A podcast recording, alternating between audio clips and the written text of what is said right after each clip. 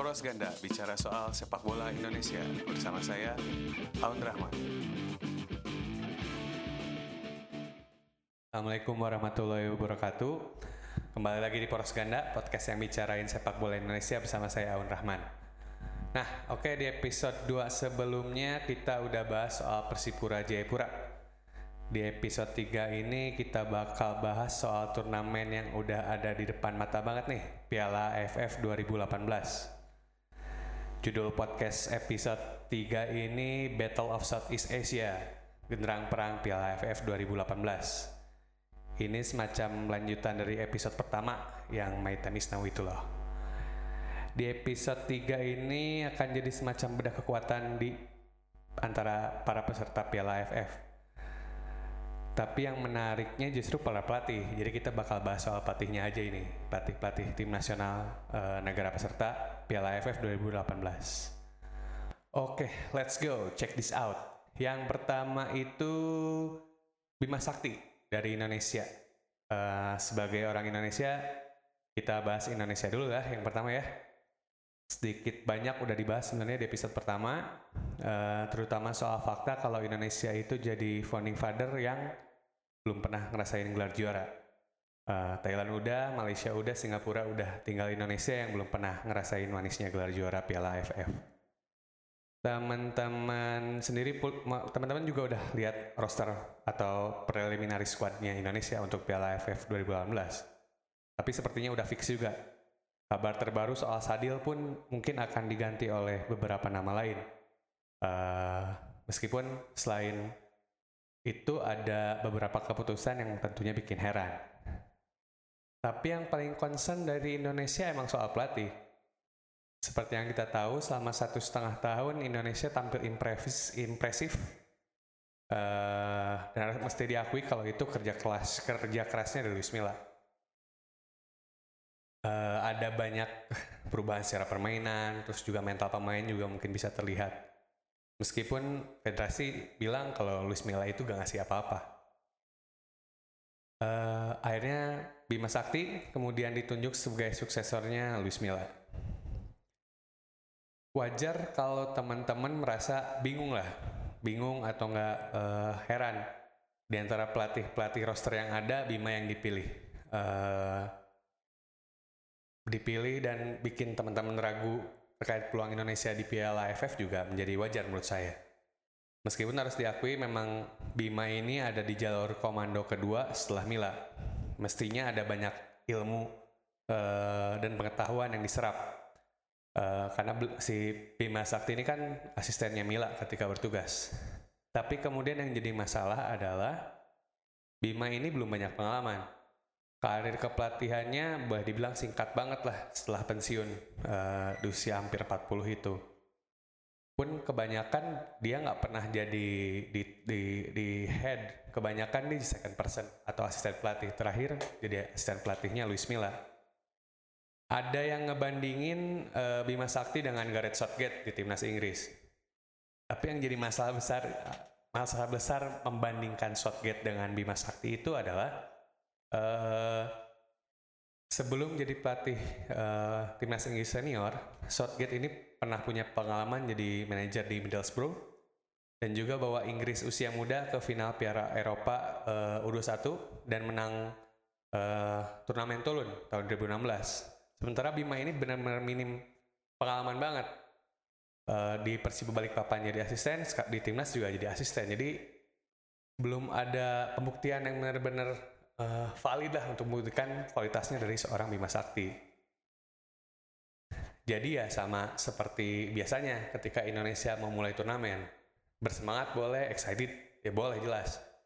Tapi ekspektasi juga harus diredam, jangan sampai ketinggian. Uh, ingat kalau di Piala AFF kita udah pernah masuk final lima kali dan gagal juara lima kali. Jadi nonton timnas Indonesia itu emang harus low expectation.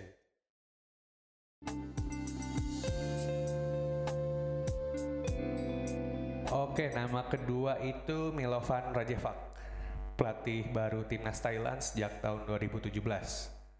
Setelah Kiatisuk Ziko Senamuang resign.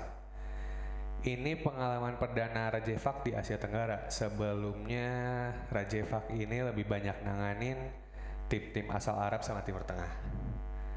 Meskipun punya kurikulum vitae yang luar biasa, bahkan pernah nanganin tim di Piala Dunia, Rajevak ini jadi kontroversi uh, dan banyak dikritik sama publik publik sepak bola Thailand itu sendiri. Karena uh, salah satu penyebabnya waktu nanganin timnas Aljazair, Rajevak ini tiba-tiba resign padahal baru nanganin tim di dua pertandingan. Dia resign tanpa alasan yang benar-benar jelas. Nah, kejadian ini kan akhirnya bikin portofolionya juga jadi mengherankan. Sebelum akhirnya sekarang uh, nanganin timnas Thailand.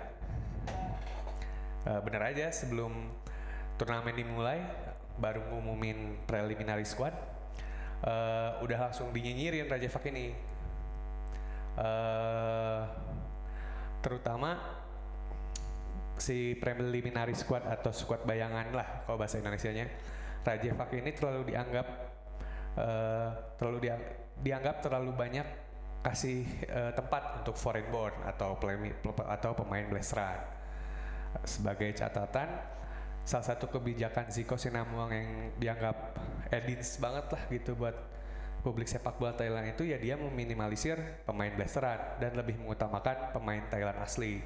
Sementara si Raja Fak ini ada banyak banget pemain foreign born yang dia panggil gitu. Plus uh, Raja Fak ini jadi fenomena karena kalau Thailand ini antitesisnya Indonesia.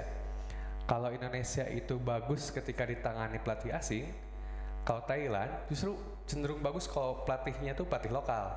Makanya Raja Fak ini ingin buktikan diri untuk banyak hal di Piala AFF 2018 nanti. Memecahkan kutukan sebagai pelatih asing juga membuktikan kalau pemilihan pemain dia yang kebanyakan pemain blasteran itu juga nggak salah gitu.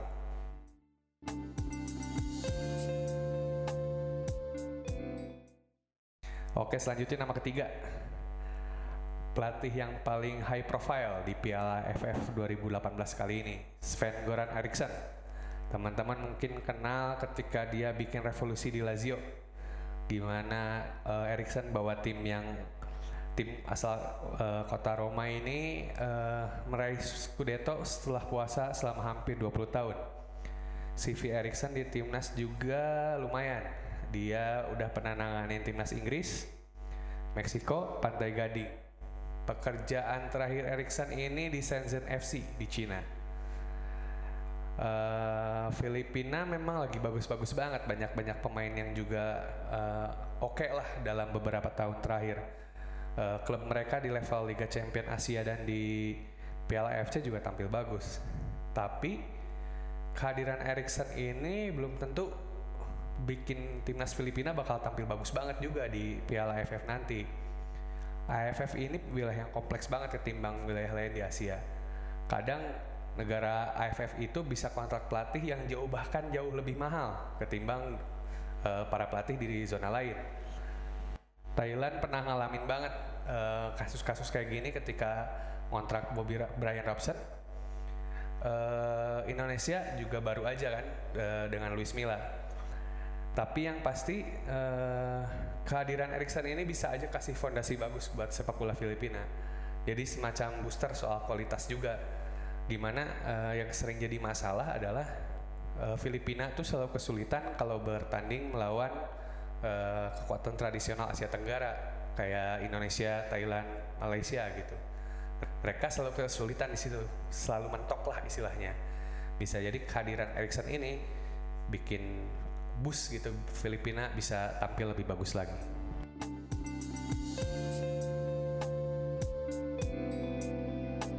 Nama keempat itu Keisuke Honda.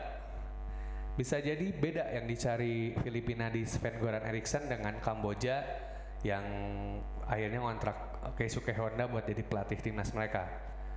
Honda ini masih main seperti yang kita tahu di Melbourne Victory di Liga Australia. Bisa jadi penunjukan Honda ini lebih kepada public relation stunt. Istilahnya buat nyari engagement aja biar seru nyari popularitas aja biar sepak bola di Kamboja tuh ya naik dan penonton-penonton juga mau nonton. Juga biar ya narik perhatian caper aja sebenarnya ini lebih ke caper ketimbang emang butuh kualitas Honda di level teknis sepak bolanya gitu uh, jadi ya nggak ngaruh-ngaruh banget sebenarnya keberadaan Honda kecuali bikin turnamen makin meriah aja ya.